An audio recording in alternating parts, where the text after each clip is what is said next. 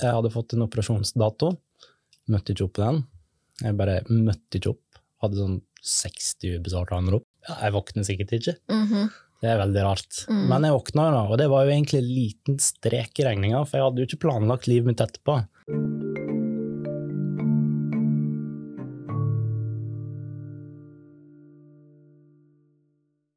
Velkommen til Også pasient, en podkast om usynlig sykdom, laget av meg, Kine Albrigtsen. Jeg setter kjempestor pris på alle dere som lytter til podkasten. Nå er vi hele fire frivillige som jobber med å lage denne podkasten til dere. Og det håper jeg at vi kan fortsette med, så fortsett å legge inn en kommentar.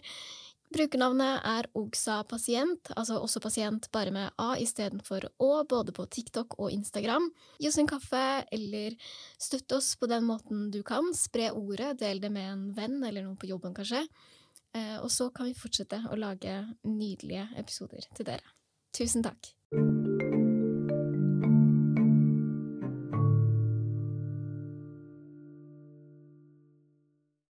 Er vi klare for en ny episode av Også pasient, og ukas gjest er Thomas. Velkommen. Tusen takk. Og i dag skal vi snakke om eh, kan vi si, en hel rekke av ulike hjerteproblemer. Eh, ja, for så vidt så kan vi det. I hvert fall eh, hjertet er tema. Ja. Men først, eh, hvor gammel er du, hvor bor du, og hva, hva driver du med? Jeg er 35, blir straks 36 år. Jeg heter Thomas Louis Aasen. Eh, Utdanna sykepleier. Har jobba som det lite grann, eh, og så kom hjertet litt i veien. Så nå jobber jeg i stiftelsen Organdonasjon, med å få folk til å bli organdonor. Eh, ja, det er vel egentlig det. Jeg bor i Oslo. Kommer egentlig fra Førde. Det er meg oppsummert. Ikke sant? Eh, jeg også er organdonor, så hvis noen vil ha de organene når jeg dør, så be my guest. Ja, Eh, supert. det tenker jeg at er viktig. Ja, Ja. det er det. Vi, vi må snakke litt om, om hjertet. Hva, hva er et hjerte, og hva, hva driver det med, sånn helt basic? Basic så er jo hjertet en muskel. Hvis du knytter neven din sånn, så er den cirka, hjertet ca. så stort, eh, og nesten akkurat den formen òg, faktisk. Eh, Og det har jo da én funksjon, og det er jo å frakte blod rundt omkring i kroppen, og frakte blod frem mot eh, lungene, sånn at det får oksygen fra lungene. Eh, Og derfor er jo hjertet delt i to. Eh, Du har eh, det lille og det store kretsløpet. Det lille- kretsløpet, den høyre delen, den er sjef for å få blod fra, til lungene, sånn at det får oksygen. Og den andre halvdelen, som er den største delen av hjertet, den pumper jo blod ut til kroppen. Sånn Mm. at det får næring og oksygen. Og det er jo en muskel som går og går. altså Hvis du trener, så slår den fortere, for da trenger beina dine mer blod. Eller hvis du ser på en du er forelska i, så slår det hardere fordi du masse hormoner. Ja. Det er veldig, et veldig enkelt organ anatomisk, med fire hulrom og fire klaffer som sørger for at blodet går riktig vei, og at det ikke går for masse eller for lite. Men det er òg ganske så komplekst i hvordan det er jo motoren til hele kroppen. Mm. Ja, fordi eh, jeg synes i hvert fall når man ser sånne illustrasjoner av hjertet, så virker det jo ganske komplekst. Det er mye som skjer inni der. Ja, det er jo det, og det har jo sitt eget eh, eh, blod Det må jo forsyne seg sjøl med blod, det er jo fascinerende. Og det er jo elektriske signal. Jeg har jo pacemaker som overstyrer de elektriske signalene som hjertet egentlig gir til seg sjøl. Mm. Så det er fryktelig enkelt og litt komplisert på samme tid. Mm. Kult organ. Veldig kult. Mm. Um, men dette uh, hjertet ditt, du har jo et veldig fiffig uh, navn på Instagram, som jeg merka meg Ja. tidlig, som er uh, Halvhjerta. Stemmer. Um, vi må jo bare ta det fra start. Eh, hva, hva er galt med hjertet ditt? Det som er galt med hjertet mitt, eh, det er jo at det er halvt, da.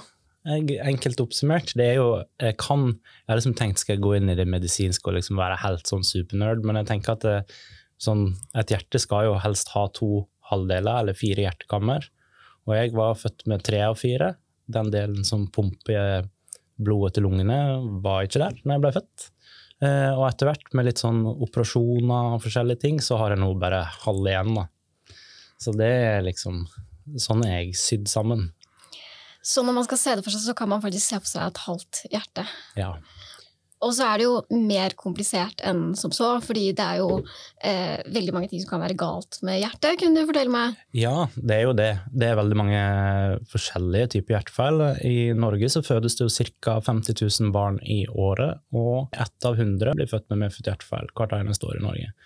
Og barn med medfødt hjertefeil som blir voksne, sånn som meg, er den raskest voksende pasientgruppa i verden. Oi. Fordi de blir redda, og veldig mange har jo litt mindre feil og litt medium feil, og så har du litt sånne som meg som trakk vinnerloddet og fikk de mer komplekse feilene. Så ja, vi er mange. Ja, og da, da, er jo det fordi at forskningen går videre, og fordi at man finner ut av flere ting og man klarer å løse, eller i hvert fall ja, gjøre at man blir redda og da overlever lenger med ja. mer komplekse hjertefeil, egentlig, da. Ja. Eh, barn født på 50-, 60- og oppover mot 70- og tidlig 80-tall var kanskje ikke alltid sånn at man oppdaga at de hadde hjertefeil engang. Det ble ja. under krybbedød-statistikken. Og så etter hvert har man jo både blitt flinkere til å utrede mens man ligger i mors liv, men òg rett etter fødsel. At oi, her er det noe som ikke stemmer. Mm. Og så har man blitt flinkere til å klare å korrigere og, og operere og redde. Ikke sant. Men når, eh, når, fikk foreldrene dine vite at du hadde hjertefeil? Da var jeg vel eh, kanskje Jeg veit ikke om jeg var blitt et døgn ennå. Eh, det var ganske fort. Det er en litt sånn spesiell historie, egentlig, fordi jeg er jo født på et lite lokalsykehus i Førde. Der var det nok ikke eksperter på medfødt hjertefeil på slutten av 80-tallet, men så var det en lege som heter Louis Sharaf. Han er egentlig fra Libanon, men bodde da i Gøteborg og var lege på Karolinska. Han hadde to ukers utplassering på Førde sykehus, og han var hjertespesialist. Og han hadde med seg en medisin som gjør til at altså, alle når vi er født, så har vi et lite hull i hjertet som lukker seg etter et døgn, eller det varierer litt. Eh, han hadde da den medisinen som gjorde at det hullet ikke lukka seg, og det redda meg. Så det er veldig, Derfor heter jeg Thomas Louis. Jeg er litt stolt av det. Oh. Så de fant fort ut eh, at jeg hadde medfødt hjertefall. Jeg var jo eh, blå Sant? Fordi den delen som skulle gjerne ha henta litt friskt oksygen fra lungene, den var jo ikke der. Så jeg hadde liksom oksygenfattig og oksygenrikt blod på samme tid. Mm. Så da blir man litt sånn blå, cyanotisk. Så de skjønte jo da veldig fort, men de visste det ikke da i forkant? Nei, det var en uh, overraskelse når jeg ble født. Ja. Mm. Og jeg kan bare se for meg å få et barn som da innser ganske fort at det er alvorlig mm. sykt. Da. Mm. Um, hva, hva, skjedde liksom videre? Hva, hva, gjør man med det? Den medisinen var der heldigvis. Ja. Og så hva, hva, skjer videre da? Nei, sånn som det var jeg har blitt fortalt, det er faktisk nå jeg var hjemme i jula. da Mamma har jo en sånn ringperm med alt som har vært med meg og hennes egne skriblerier, og sånn, og den skal jeg lese grundig en dag. Jeg må vente litt. Men, eh, og der står det eh, f.eks. at sånn som jeg skjønner det, der var jo begge 30 år, så de var jo forholdsvis unge, hadde to barn fra før. Plutselig viser det seg at jeg er syk, og man må fly ned til Rikshospitalet. Bare det i seg sjøl er jo kjempeskummelt, mm. med ambulansefly. Og mamma måtte være med, og pappa måtte bli igjen og passe unger, finne barnepass, og så det var jo full kaos. Og så ble jeg operert etter noen få dager. Og så er det jo litt sånn Det var jo da for over 30 år siden, ikke sant? Mm. Det er jo bare da jeg eh, ble født eh, på 90-tallet, da, eller tidlig 90-tallet, så var det jo sånn jeg ble også liksom født på Riksen. Man hadde liksom så vidt begynt å ha mobiltelefon. Mm. Altså, det var liksom en helt annen sånn tid da, å skulle reise da fra Førde og ned til Oslo. Det er liksom ja, helt annerledes enn det ville vært i dag. Man kan jo ikke holde kontakten på samme måte. Alt er helt sånn Mamma var liksom ikke på Snap med pappa nei, i ambulanseflyet. Nei, det var, jeg husker hun hadde tatt vare på flybillettene og sånn kjempesvær utskrevet fly. Altså det, alt var bare Du så godt det er lenge siden, da. Ja, mm. ja ikke sant. Uh, ok, så Rikshospitalet, kunne de alt du, du trengte at de kunne? Ja, det kunne de faktisk. Eh, Iallfall i starten. fordi sånn som det var med meg, så ble jeg operert én gang. Og så det de gjorde da, var jo på en måte en slags midlertidig løsning. De la inn en skjønt, altså et lite rør, som skulle ta over for den delen av hjertet som mangla. Eh, men så er det jo sånn at når man er liten, så vokser man jo. Og etter hvert som jeg vokste, så ble jo da det røret for tynt, eller for lite. Så da måtte jeg åpnes igjen og igjen og igjen og sette inn et større og større rør. Eh, eh, så det, det fikk de til, og etter hvert så ble det litt sånn på Nå er jo alt Altså, får du medfødt hjertefeil i dag, så blir du operert på Rikshospitalet uansett. Eh, før var Haukeland òg veldig gira på å operere barn med medfødt hjertefeil. Og siden vi vokste opp i Førde, så, eller jeg vokste opp der og vi bodde der, så var det naturlig at jeg egentlig skulle følges opp på Haukeland. Så da ble mamma og pappa i en liten sånn tvist, for de følte at Rikshospitalet er jo litt flinkere. Så det, ja, de kunne, de kunne hjelpe meg, men jeg tok faktisk en operasjon i utlandet. Ja, Så, ikke mm, sant. I London. Og hvor mange hjerteoperasjoner har du hatt? Nå er det vel eh, Det kommer litt an på hvordan man regner, men fem eller seks åpne hjerteoperasjoner. Ikke sant. Mm, Så Og da åpner man på midten av eh, brystet. eh, ja. Eller det kommer litt an på. Så når man er baby, så går man inn her. Ja. Eh, Så jeg har liksom to sånne svære arr bak på ryggen, og så har jeg jo sånn vanlig sternumoperasjon som òg har blitt åpna. Og eh, her kan jo ikke jeg stille med så mye gjenkjennelse som jeg kan til vanlig. Nei. Men jeg har et sånt arr på siden. Ja. Jeg er hjerteoperert i ekstremt liten skala Mm. fra da jeg var eh, nyfødt. Født for tidlig når den eh, blodåra ikke lukker seg, som Ja. man burde få lukka. Mm. Er da lukka manuelt med en dings hos Ja. meg. Men hvor gammel var du da du ble hjerteoperert? Det var jo antageligvis noen runder da når du var voksen, og, nei, du, da du var eh, barn eller baby. Ja, så nå har jeg ikke alle tallene i hodet, sånn, men jeg var jo et par døgn gammel, og så når jeg var et halvt år gammel, så fikk jeg vannkoppene, og da gikk jeg i koma. Og da måtte jeg inn, for da gikk den skjønt den tett. Mm. Eh, så da måtte jeg inn og opereres på nytt. Og så var det fram til jeg var eh, seks år, så var det vel fire operasjoner til sammen. Så den når jeg var seks år, var i London, da. Så da var hele familien der nede i en måned, mens jeg eh, koste meg med cornflakes og hjerteoperasjon. Den klassiske komboen. Komboen man må ha når man er i London. Ja. Um, ok, uh, og så da fra du er uh, seks år, er, hva, uh, hva er på en måte prognosene her? Hva, hva tenker man når man har et halvt hjerte? Hvordan, hvordan går det?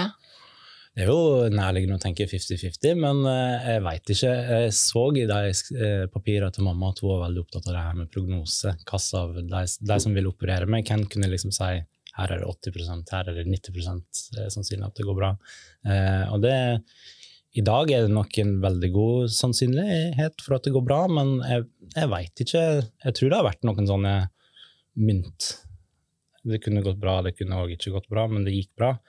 Eh, og spesielt den eh, operasjonen jeg hadde da jeg var seks år, der mamma og pappa endte opp med å ta meg til London, den var ganske sånn Da, da ble jeg på en måte Det er veldig mange som meg som har noe som heter fontansirkulasjon, eh, som betyr at blodet bare flyter passivt til lungene. Og kan, den operasjonen kan du få eh, litt uavhengig av flere typer hjertefeil, sant? fordi det er veldig mange forskjellige små feil som kan bli en kompleks feil, og så er den, men korrigeringa av den er det samme.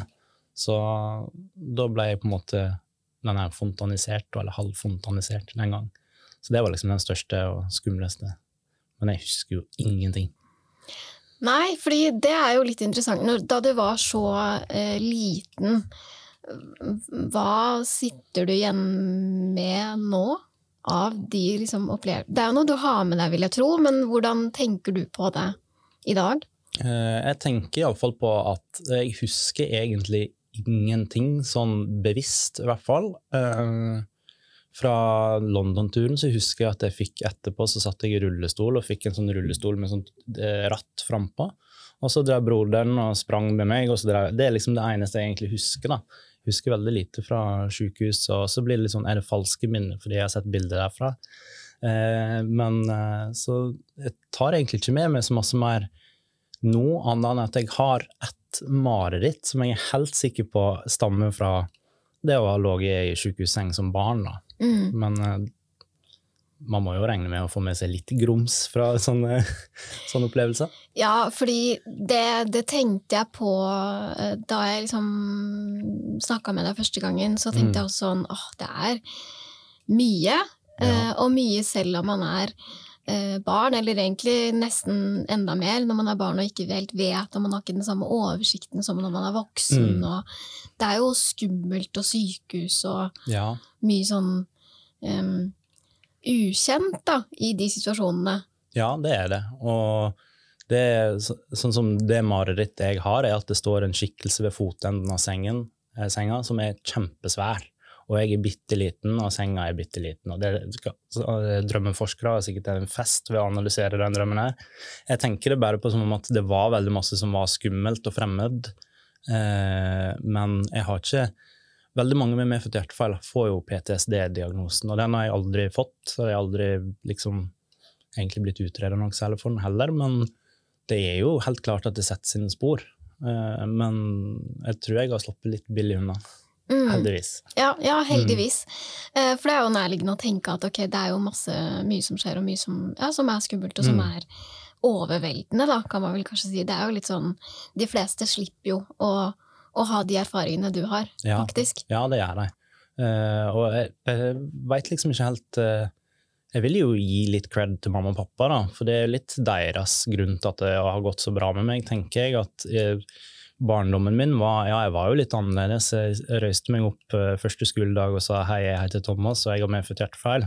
Litt sånn anonyme alkoholikere. som møtet jeg trodde jeg var på, eller ja, det var veldig rart å tenke på. Men da visste jo alle det, sant? så jeg var jo han i en litt liten by som hadde medfødt hjertefeil. Mm. Eh, og det var egentlig veldig ok. Sånn, jeg ble ikke noe særlig mobba for det. Eh, men mamma og pappa var hele veien sånn da jeg var liten og vokste opp, at sånn, jeg fikk ei skive med Nugatti, skulle ut og leke med de andre ungene. liksom. Det var ikke sånn, Jeg ble ikke passa på i det hele tatt. Det tror jeg kanskje normaliserte det litt. Ja, fordi uh, det er vel lett å tenke at de som blir veldig sånn hønemor, passer Mm. på, du må være forsiktig, du må være forsiktig, eh, ikke gjør sånn og sånn, det Mm. kan uh, At man da blir mer stressa.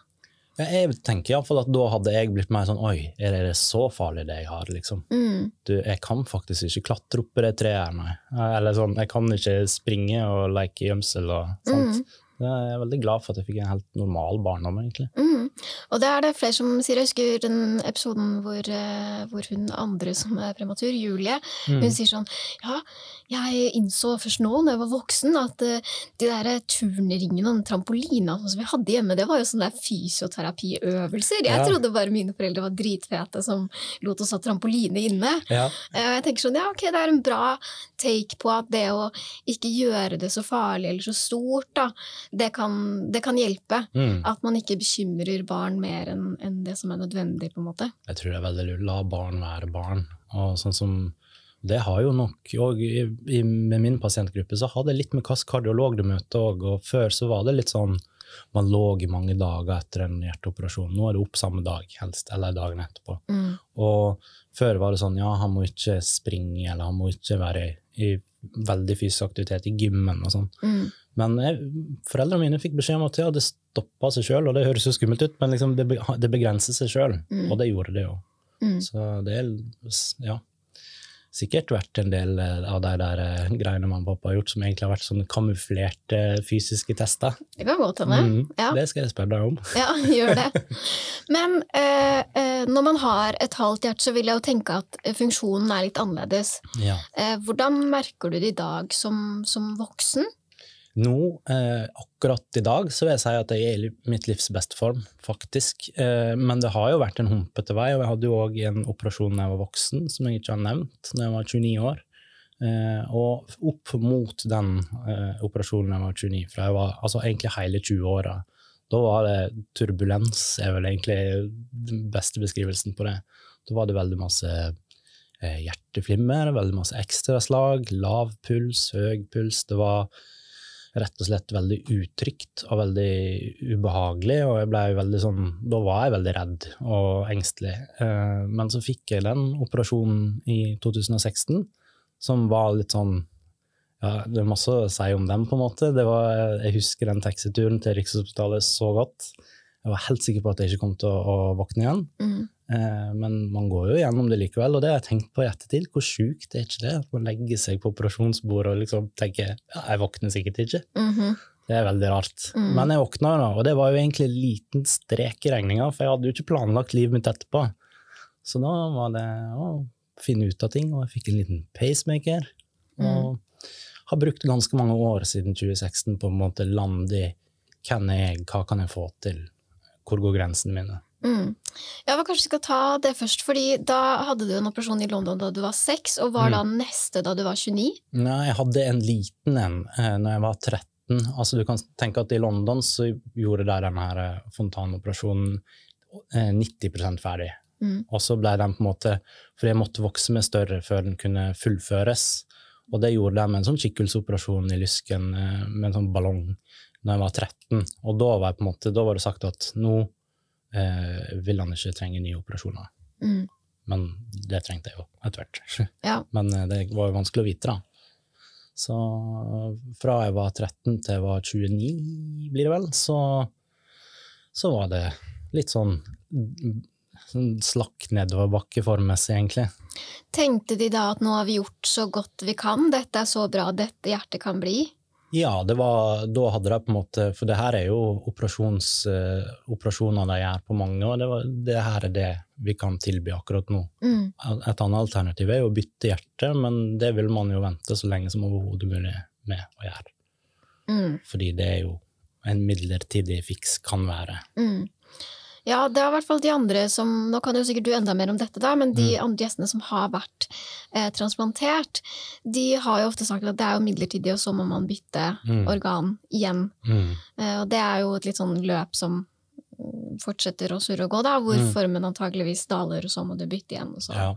Ja, det høres jo enda ja, krevende ut, det Ja. også. Og så er det altså, et hjerte, da, i snitt så lever du 14 år med et nytt hjerte. Det vil jo si at noen lever to timer, andre lever 30 år. Mm. Eh, det er en kjempestor eh, operasjon, og spesielt for sånn som meg, som nå har kroppen min blitt vant til et halvt hjerte og dens sirkulasjon i 35 år. Mm. Og det vil si at leveren har blitt vant til det, alle andre organ, meg. Altså, og da, hvis du da setter liksom en motoren fra en Ferrari inn i ja. en Lada, så Ja. blir det jo litt krise. Ja. Så eh, ja, det vil de helst vente så lenge som mulig med. Da. Mm. Og det har vært litt vanskelig for meg og for mamma og pappa, fordi jeg ville jo heller ha fått det når jeg var 19 sant? og vært i superform hele 20-åra istedenfor å drive og halte. Mm. Eh, Men jeg ser jo det nå, at det var klokt å heller prøve å operere det gamle en gang til. Ja, hvordan var det da? For da sa du at det var litt sånn eh, nedadgående form, kanskje særlig i 20-åra. Ja. Hvordan er det? Fordi da er det jo liksom starten av voksenlivet, man skal bli Ja. voksen. Eh, man skal finne ut av ting, lande kanskje, liksom hvor skal jeg være, hva skal jeg drive med? Eh, og så sa du at du måtte gjøre det på nytt igjen etter den operasjonen, men hvordan er det med nedadgående form?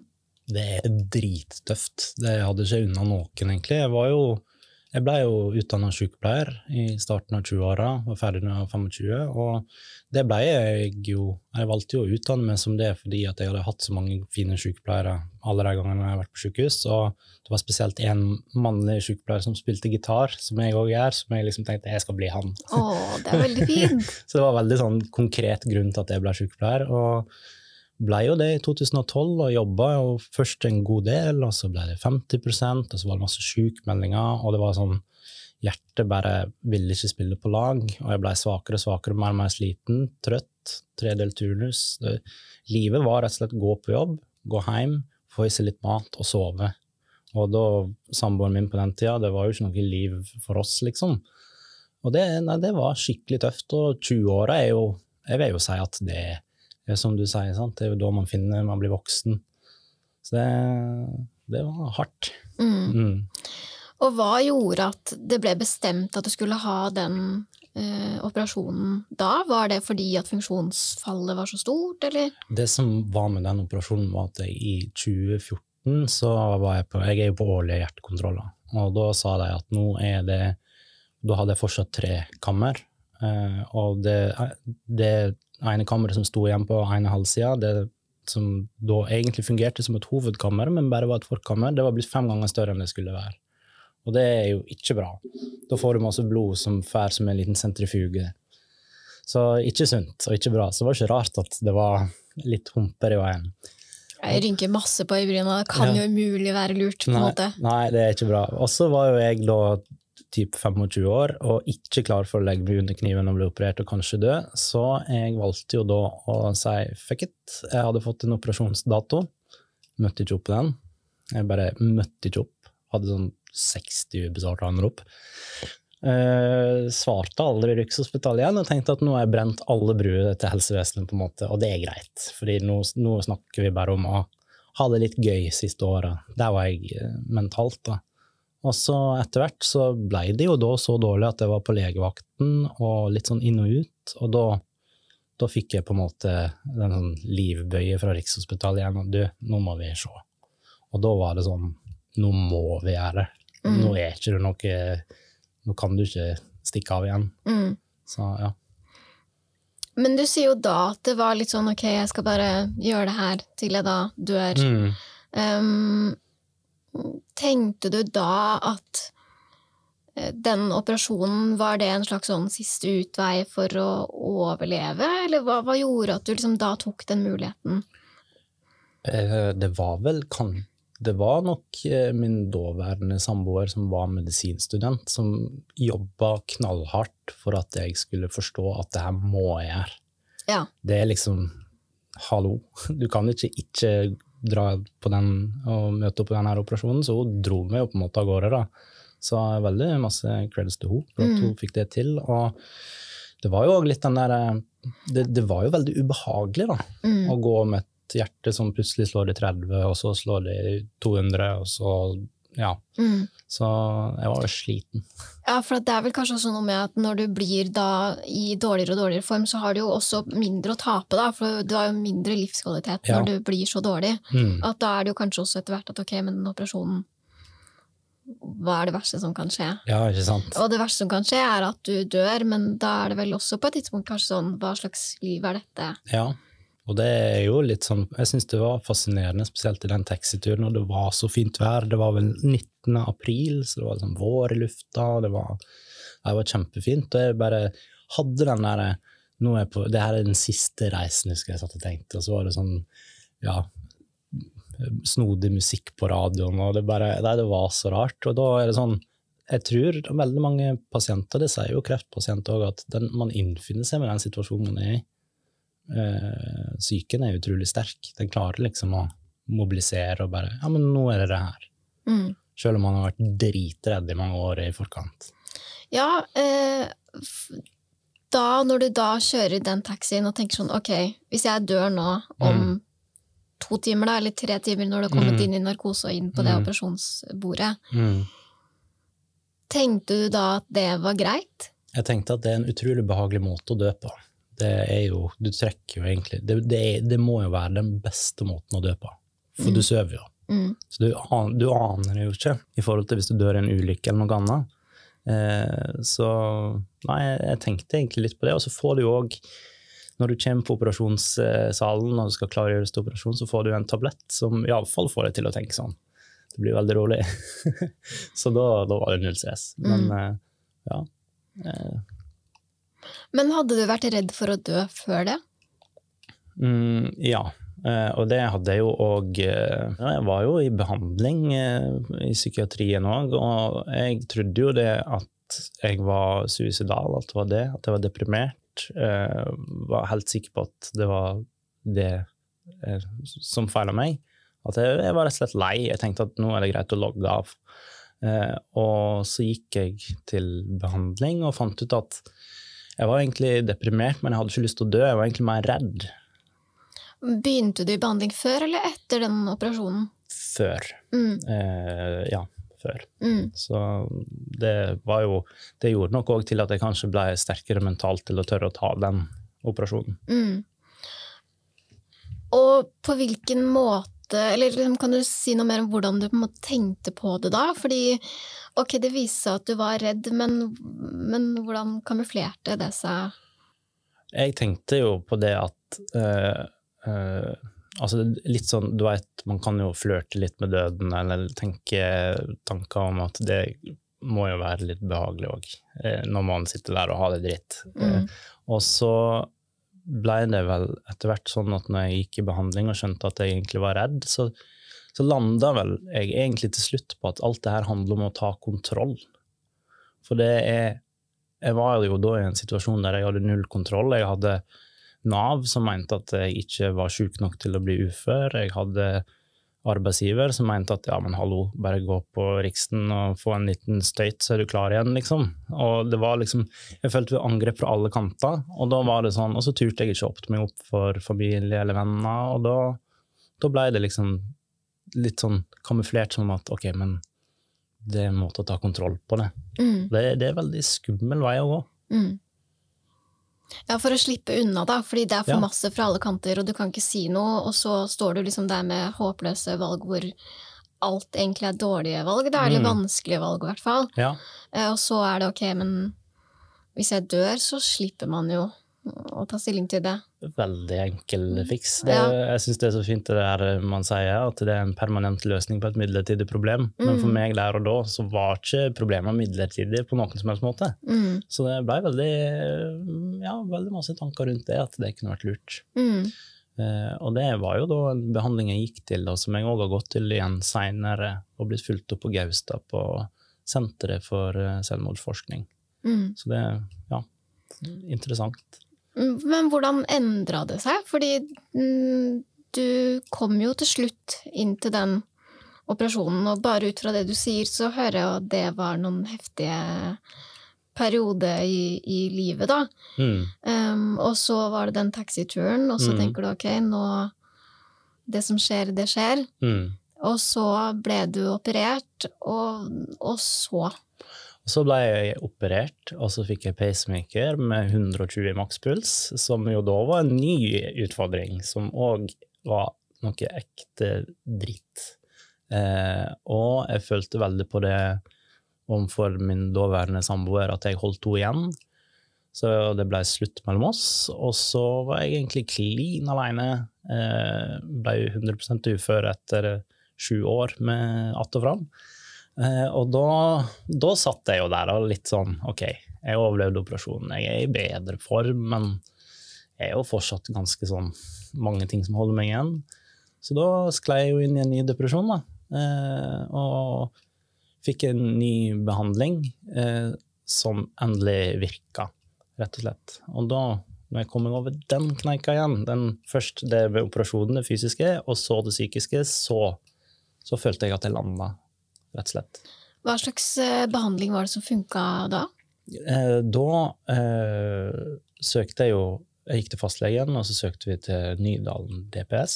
Jeg fikk avslag. Eh, søkte en gang til, kryssa ett hakk lenger ned på alle ting. Ja, jeg er kjempesuicidal, jeg var jo ikke Men jeg gjorde jo det for å få plass, Mm. eh, og var ærlig på det når jeg kom, at nei, jeg er ikke så Men, men så fikk jeg jo Men man må jo spille systemet. Ja, ja, ja. Eh, og, så da fikk jeg komme inn. Eh, og da fikk jeg spørsmål om å være med på et forskningsprosjekt som hadde med om du ville ha eh, kognitiv behandling som går på tanker, eller om du ville ha det som går på følelser. Og det ble jo tråkket tilfeldig, og da var jeg sånn Jeg må jo håndtere følelsene, tenkte jeg. Men så fikk jeg kognitiv, så det gikk på tanker. Så da var det et år eh, der jeg var inne annenhver uke og ble utfordra på hvorfor tenker du sånn. Og det var det som løste alt, rett og slett, for min del. da.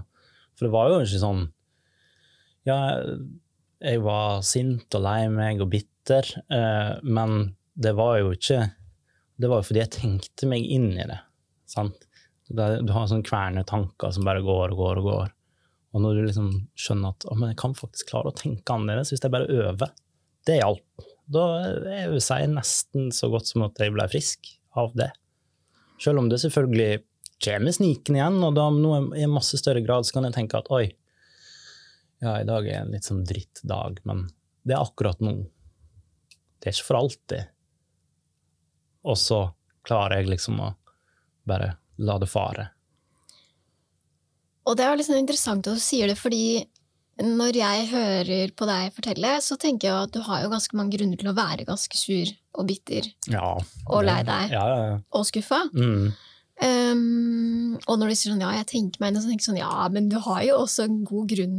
ja, ja absolutt. Det er jo mye som er liksom vanskelig, og som er en eh, utfordring, da. Ja, det er jo det. Og så jeg har jeg liksom fått spørsmålet hvis jeg kunne valgt, ville jeg blitt, valgt, eller ville jeg blitt født funksjonsfrisk? Og så tenker jeg sånn, tenk tilbake på livet mitt og alle de inn og ut av sykehus. Og hver gang jeg kjører gjennom en tunnel, så tenker jeg på sykehus.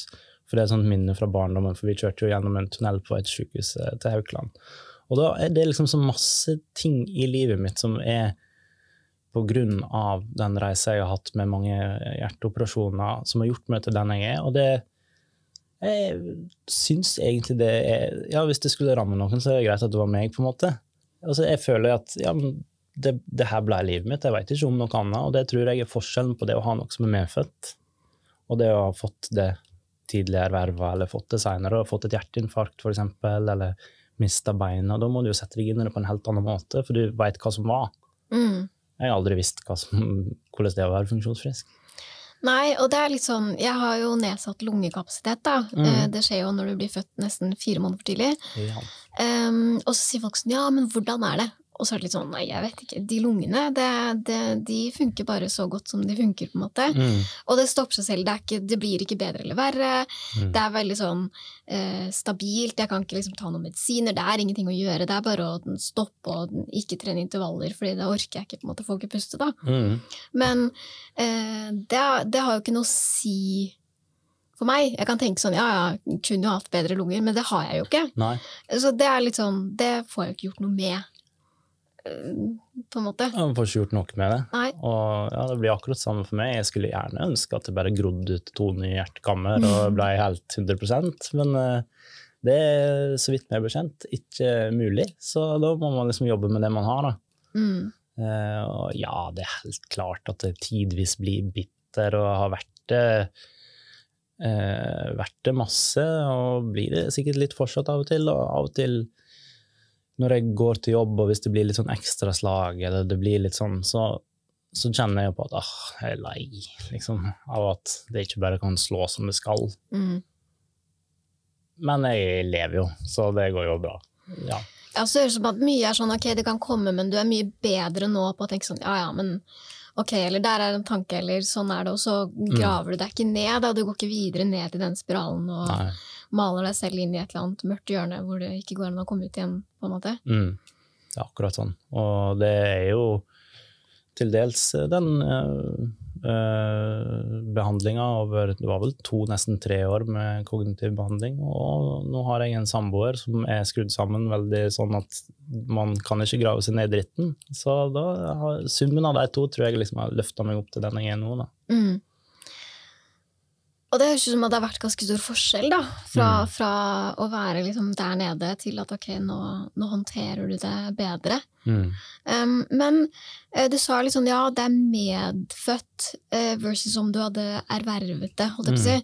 Uh, har du skamma deg noe over det, eller har det vært vanskelig for deg å, å, å ha hjerteproblemer, hvis man kan si det, da? Det har jeg tenkt veldig masse på siden jeg visste at jeg skulle hit, og jeg har jo hørt på din podkast siden jeg skulle komme hit. Mm. Og det her med liksom skammen ved usynlig sykdom. Og så har jeg landa på at jeg skammer meg på ingen måte for at jeg har medfødt hjertefeil, for det kan jeg ingenting for.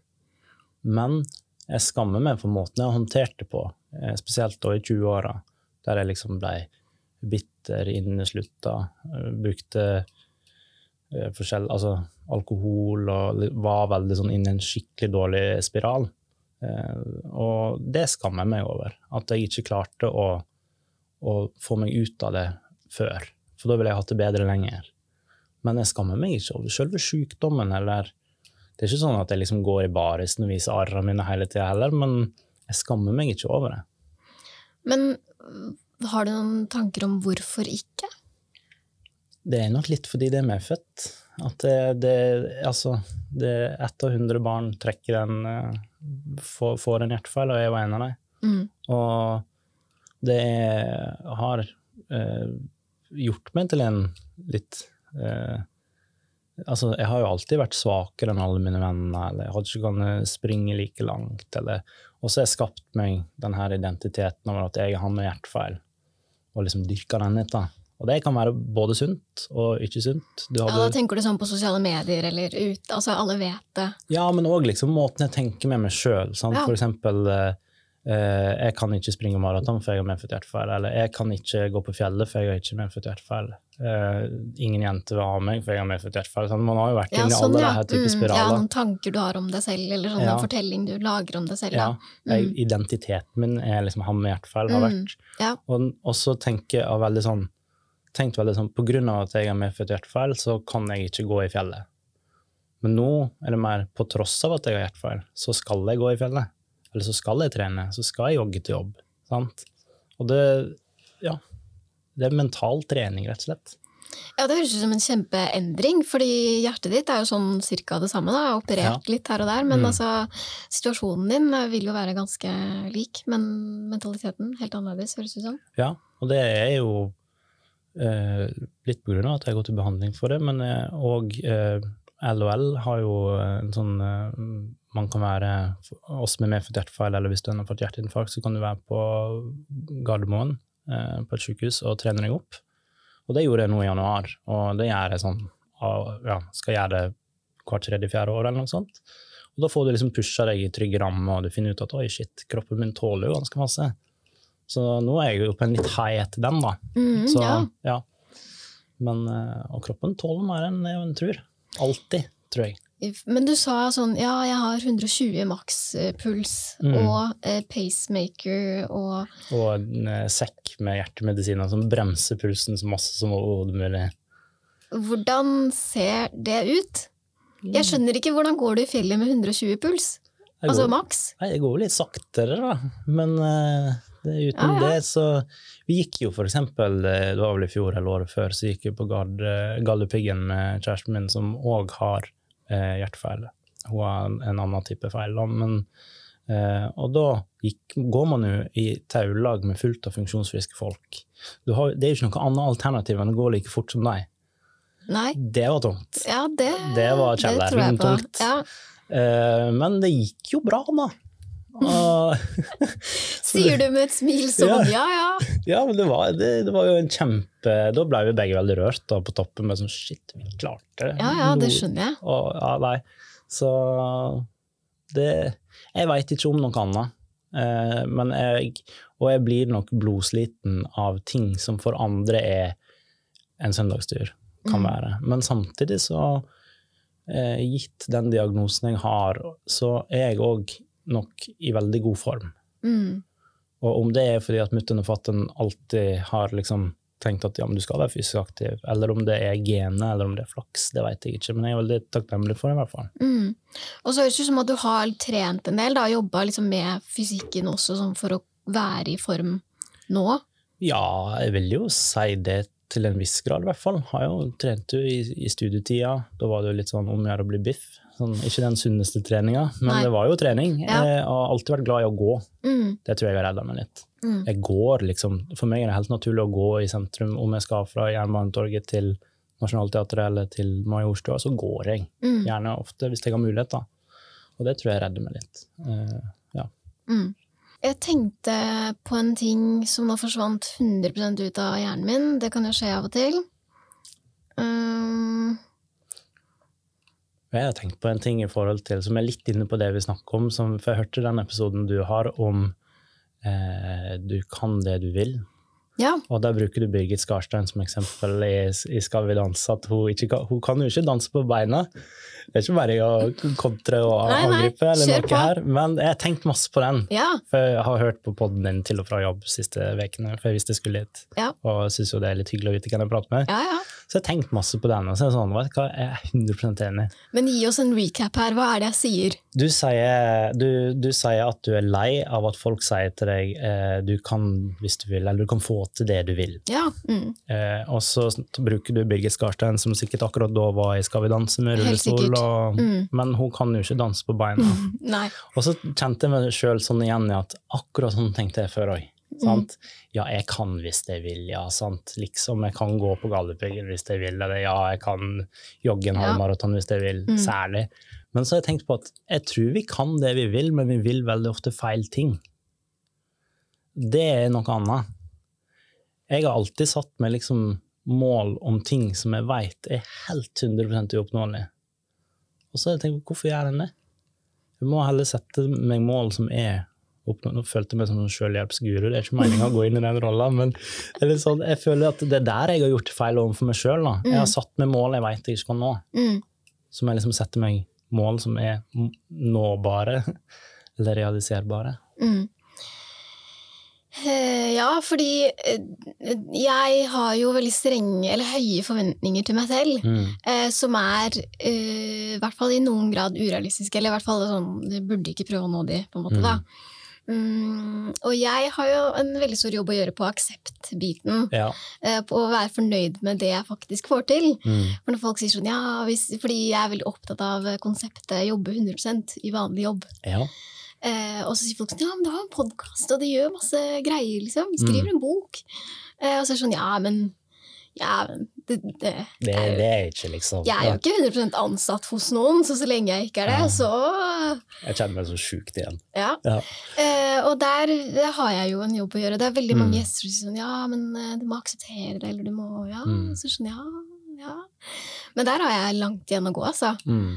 Um, fordi jeg kan da, som eh, du jo hørte, bli irritert på Birgit Skarstein, som jeg tenker sånn Ja. Du er provoserende for, for mange, da. ja. Og det, det er jeg enig i, fordi hun får det så sjukt til, liksom. Mm. Vi kan jo ikke tenke at jeg og du med våre forutsetninger skal kunne bli olympiske mest, eller paralympiske mestere i en annen gren. sant? Så det blir litt sånn Det blir irriterende. Mm, Men jeg føler også at det er litt sånn visdom i det, på en måte, at men vi må finne Altså, jeg kan bli sjukt god på gitar, for eksempel. mm, Men istedenfor å fokusere og øve og jobbe med det, så satt jeg veldig mange år og var hissig på at jeg ikke kan bli en triatlet. sant? ja. ja, og så er det vel essensen her er jo Mm. at man får til mer enn man tror. Ja. Og det er jo uansett sant. Mm. Eh, og det er jo også sånn, det skal jo også sies at jeg har ikke noe mål om å bli Birgit Skarstein. Nei. Så det er også litt sånn, ok, det Det er jo som du sier, da, egentlig at ok, hva er innafor dine rammer, Mm. og hva kan du få til, og hva Mm. kan du gjøre noe med? Eh, og det er det også veldig mange som snakker om, at ok, hva, hva kan jeg gjøre noe med her, hva kan jeg endre? Og som eh, du også har sagt, tankesettet. Hvordan ser man på sin egen situasjon? Ja. Hvordan tolker man ting? For det er lett å liksom se på alle andre som får til ting, og tenke sånn ja, ja, men sånn, ja, Skjønner du den tankegangen, på en måte? Ja. Og at mye, mye kan jo endres bare ved det, da. Men det er jo derfor jeg tenker at du har gjort en imponerende jobb, da. Ved å få til å gjøre de endringene og tenke at ok, men shit, jeg får til mye, og mye, mye funker. Jo, takk. Jeg er veldig fornøyd med det, og jeg sitter nå og tenker på at det at jeg kommer ut i jobb igjen, er òg en veldig viktig brikke i det at jeg føler meg mer eh, At jeg aksepterer mer den jeg er. da. Mm, For det, det, er, det er så stort, det der. Mm. Å å liksom føle at du er i jobb. Og du sier at eh, det må være 100 eh, Så tenker jeg at jeg òg tenker akkurat sånn, skjønner du. ja. Man er ikke fullverdig menneske hvis man ikke jobber mandag til fredag eller til fem. Nei, liksom. nei. Eh, men eh, jeg er veldig takknemlig for at jeg fikk den muligheten nå da, til å jobbe 50% og det passer veldig bra for meg. Mm, Da får jeg nok tid til å hente meg inn igjen, og jeg føler jeg får bidratt nok til at flere sier ja til å bli organet ja. ja. ja, eller hva hvis du ikke hadde hatt den jobben, da? Vi starta jo jeg, og Emil driver jo også en pod som heter Helserelatert, og den, eh, den starta vi jo i korona. Jeg var utafor jobb, og det var sånn for meg eh, en mulighet til å kunne føle at jeg bidro tilbake, eller ga tilbake, da. Mm, Det er jo det man, eller iallfall jeg følte på. At jeg jeg står i en slags For det første står du i en takknemlighetsgjeld overfor fellesskapet for å motta penger for å ikke gjøre noe, men du, det er jo ikke sånn at du ikke gjør noe fordi du er lat, det er fordi man ikke kan. Mm, Og så må man hele tida forsvare at det at man ikke kan. mm, Og det er jo en jobb i seg sjøl, mhm, og det er dritirriterende. mm. Føler meg truffet nå. Ja, men det Jeg kjenner meg sånn igjen. Du føler veldig at du må forklare hvorfor du ikke er i jobb. Sant? Også hvis man dater eller man er på fest, eller så du aldri hører spørsmålet ja, hva driver du med, da? Mhm. Da må man, og da måtte jeg starte med en podkast, for da kunne jeg si ja, jeg driver podkast. Ja. Og det var digg! ja. Da kunne jeg endelig liksom ut og møte folk igjen. Og, Mm, ja, nei, så det, det Man må ha noe. mm, Og så er det den tankegangen om må det være lønna arbeid eller ikke. Mm. For meg var det iallfall en veldig viktig del å begynne med det å ha podkasten. Å kunne bruke det som en jobb i starten. Og jeg skal jo bare si det, at jeg ser at denne podkasten gir meg jo andre muligheter. Ja. Så det kommer jo andre liksom, jobbtilbud eller frilanstilbud eller ting som, Mm. som har liksom vært en forlengelse av, av det. Mm. Um, og det er nok derfor jeg fortsetter å lage podkast, Mm. og ikke eksempel tvinge meg inn i en ordinær jobb, da, fordi at jeg ser at det at podkasten ikke er jobb, er på en måte mer et rent sånn Ja, det er et juridisk aspekt ved det at jeg ikke har en Mm. arbeidsgiver, Mm. men det meste av aspektet hvorvidt det er en jobb eller ikke, det er inni hodet mitt. Ja. Um, for det er eh, man, Jeg vil tro man kunne fått betalt for det. Det er liksom det er sånn her man lager podkast, på en måte. Ja. Uh, og det handler mest om sånn hvordan jeg ser på det, eh, Ja. og at jeg får så mange andre uh, fine ting ut av det. Da. Ikke bare muligheter, men, men det at folk hører på, og Mm. at uh, folk setter pris på det. Folk viser det til uh, venner, til behandlere. Mm. Også pasient har blitt brukt i undervisning, og det er jo sånne ting som jeg er helt sånn amazed over at jeg Ja. har lagd det, som jeg jo setter kjempemasse pris på, som har en helt annen verdi, som er mm, som man ikke kan måle på samme måte som penger, da. Mm. Eh, og det kjenner sikkert dere til i helserelatert Mm. også. Mm. At det er en helt annen type takknemlig jobb å gjøre, da. Ja, absolutt. Og det, det er det å liksom gjøre den jobben og klare å anerkjenne det man får til ved det, at man klarer å nå så mange eller inn i undervisning, og, Mm. og liksom se verdien i det, da, istedenfor at det ikke er lønna arbeid. Mm. Absolutt. ja. Jeg skal eh, ta med det, altså. Ja. At eh, jeg vet jo at jeg har en jobb å gjøre med de, det tankesettet mitt. Mm. Og så er spørsmålet liksom ok, hva skal jeg Nei, skal, jeg tar den. Ja. Eh, Jeg skal gjøre en innsats. Um, men hva tenker du liksom at folk skulle visst, eller hva, hva burde folk vite om, om det å ha medfødt hjertefeil? Mm. Å, det var et uh, intrikat spørsmål. Mm. Det blir jo litt som vi snakka om tidligere, at det er umulig for meg å sette meg inn i hvordan det er å ikke ha medfødt hjertefeil. Så tenker jeg at for andre er det veldig vanskelig å sette seg inn i hvordan det er å ha det. Eh, Men jeg skulle ønske at folk skjønte at eh, ting er faktisk litt tyngre ofte. Det er ikke Altså, jeg har vært veldig i den situasjonen at jeg sier ja til ting. Jeg sier ja til å Du bruker bare et tenkt eksempel, dra på quiz. Og så kommer dagen, og så orker jeg ikke litt engang. Fordi man har kanskje pusha strikken litt for langt på jobb, eller man har gjort andre ting. Og så da litt mer sånn aksept for at ja, men jeg er faktisk sliten. Og det er ikke sånn Det er jo om å gjøre å si at man er sliten først i samfunnet i dag, føler jeg. Det er jo, mm. det er jo gått skikkelig Ja, det begrepet er oppbrukt. Men Mhm. og da, for min del, ble det litt etter hvert å, å finne andre som forsto at å ja, ok, men du melder pass i dag, og det er fordi at du er litt hjerte, hjertesliten i et begrep jeg hater. Men det er faktisk sånn at jeg føler av og til at det er ekstra tungt. Mm. Hvorfor liker du ikke det begrepet? Jeg bare liker ikke det, fordi jeg føler at det eh, kan brukes som en unnskyldning. Og det brukes Ah. veldig som en unnskyldning. Mm. Istedenfor eh, Men av og til er det faktisk sånn at man er så på felgen at man må gi seg sjøl pause. Og det syns jeg, iallfall for min egen del, at det har vært veldig vanskelig for andre som er funksjonsfriske, da, Mm. å innrømme at jeg ikke orker like masse som deg. Mm. Eh, for jeg vil jo gjerne. Og jeg gjør det òg gjerne. Og så er prisen at man ligger helt slakt på søndagen. Da. Mm. Samtidig så er jo det mange av de tinga som tappen for energi gir jo energi. Bare verdien av å trene og være fysisk aktiv, det gir mer energi enn det tar. Så nei. Jeg skulle ønske at folk visste at det er litt eh, utfordrende, Mm. rett og slett. Og det tenker jeg at det er, ja, som du sier, en sånn ting som det er viktig at du sier. Fordi det er jo vanskelig å forstå når folk sier 'jeg er sliten', så er det så mye i det. Mm. Eh, når denne episoden kommer ut, så har det også kommet en episode om eh, ME, Mm. hvor sliten er et mye brukt ord for hva ME er. Ja. Og så er det så mange variasjoner av sliten. Ja. Og så mange ulike måter å føle seg sliten Mm. på. Mm. Både innad for én person og Mm. for ja, befolkningen, på en måte. da. Mm. For jeg vil jo tro at det er kanskje forskjell for deg også om du er mentalt sliten, eller om du er fysisk sliten, eller hva, hva slags liksom, årsak det kommer av at man er såpass sliten? Ja, det er veldig mange måter å være sliten på. Jeg kan jo være sliten som alle andre etter jobb. Det, sånn er det jo. Eh, men så føler jeg at den der eh, å gå på blodtrykksdempende og pulssenkende medisiner er en annen form for sliten. For da er det rett og slett sånn Jeg prøver liksom å forklare det for kardiologene mine at du vet den følelsen du har idet du har våkna, og du er fortsatt ikke helt våken, Mm. den kan plutselig komme. Mm. Og du er sånn trøtt, får lyst til å legge deg ned, får lyst til å sove.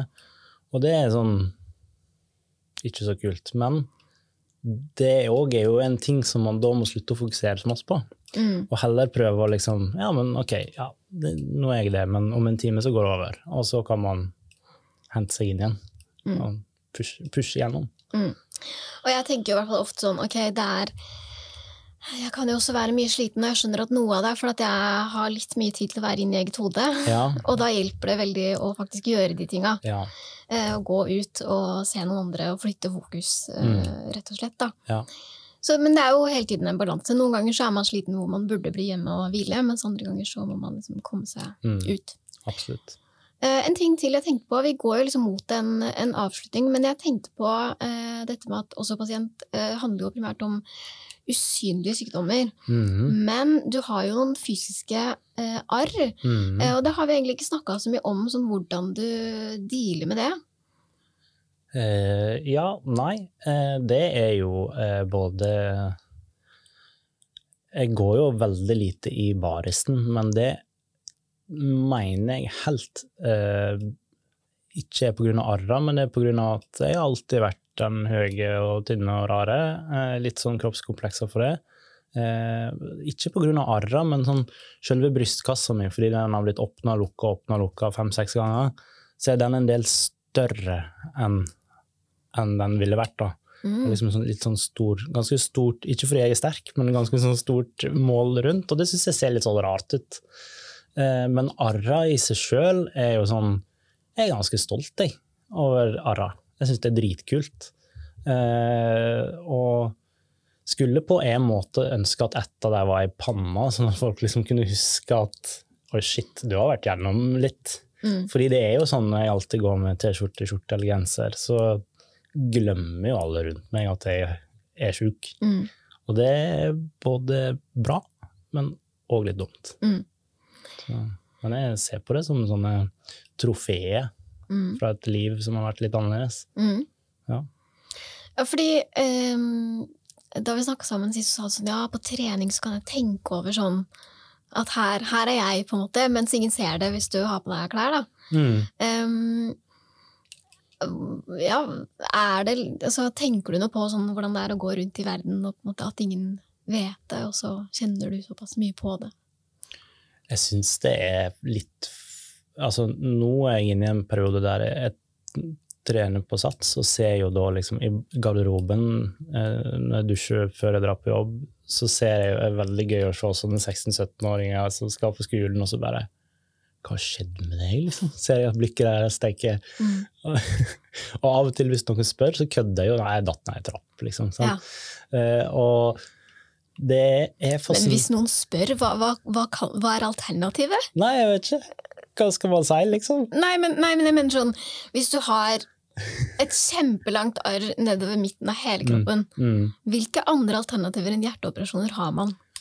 Jeg kan det Nei, det er jo da eh, Altså, det er ganske bankers å tippe at det er hjerteoperasjon. Kan ja. kanskje ha vært en lungeoperasjon òg, Jo, jo, ja, eh, kanskje da. men eh, ja. Ja, ja. Det er nok hjerteoperasjon, ja. Ja. Eh, så, og da tar jeg det litt som en sånn Hei, kult. Jeg syns jo det er litt gøy, da. Å være litt annerledes på det. Og når jeg er rundt omkring, eh, enten i bybildet eller på treningssenteret og beveger meg med klær på, så tenker jeg sånn Ingen ser at jeg er sjuk. Mm, Og jeg har landa på at jeg syns det er bra. mm, Eh, selv om i visse situasjoner, kanskje overfor en arbeidsgiver eller overfor noen venner, at det liksom skulle ønske at det var litt mer synlig, for da slapp jeg å minne folk på det hele tida. mm, For det må jeg jo. Ikke mine nærmeste venner eller familie. Da. Der vet jeg jo. Går jeg på fjelltur med venner, så, så vet jeg at ok, i dag blir det fire timer istedenfor to. mm. Og det er helt greit. Eh, men eh, det jo liksom Ja. Det, det er alltid gøy når du har vært eh, om det er gjennom jobb eller andre, og du har hatt kontakt med folk over en lang periode, og så finner de ut Da er det sånn Hæ? Det hadde jeg aldri trodd. Mm. Og da blir jeg helt ærlig litt stolt. Mm. Mm. Ja, det skjønner jeg. Og jeg tror jeg også har landa på det at det er veldig digg å bare kunne gå ut i verden og Altså, det er vel, som Du sa jo litt om det sånn på internett, og at man har lagd seg den eh, personligheten, eller sånn. Det Mm. er et kjennemerke, da, og det er det jo for meg òg. Mm. Snakka utrolig mye om psykisk helse på Ja. internett over the years. Og i hvert fall sånn i møte med nye folk, det er jo litt digg å bare kunne være seg selv, eller sånn bare ikke alltid ha det hengende ved, da. Mm. Mm, så siden jeg og du er i den situasjonen vi er, da, at du ser vanlig ut, eller Mm. funksjonsfriske, da, så tenker jeg at det er jo litt digg å bare kunne ta den rollen av og til. Jeg tenker alle vil jo bare passe inn, Mm. om det er når du står på T-banen eller om du er på en fest. Og det er Mm. digg å liksom kunne bare Så lenge jeg har på meg noe på overkroppen, så passer jeg inn. Mm, Og det er jeg veldig takknemlig for, egentlig. mm, Og så må man heller Eller jeg må heller liksom minne folk på det av og til, for det heller gjør jeg det, da. mm. Starte en podkast der jeg snakker om det, for eksempel. Ikke sant? Eller være her som gjest. Ikke sant? Mm. Og det er jo det jeg setter veldig pris på, da, for jeg liker veldig godt å snakke med folk om, om ting man ikke kan uh, se, for å lære mer. Fordi jeg uh, visste ikke mye om hjertefeil før du kom, Nei. så jeg er glad du kunne komme hit og snakke litt om, om det. Uh, så jeg vil si tusen takk for at du ville komme. Jo, bare hyggelig. Takk for at jeg fikk lov å komme. Eh, og da er det bare én ting igjen å si, og det er ha det bra. Ha det.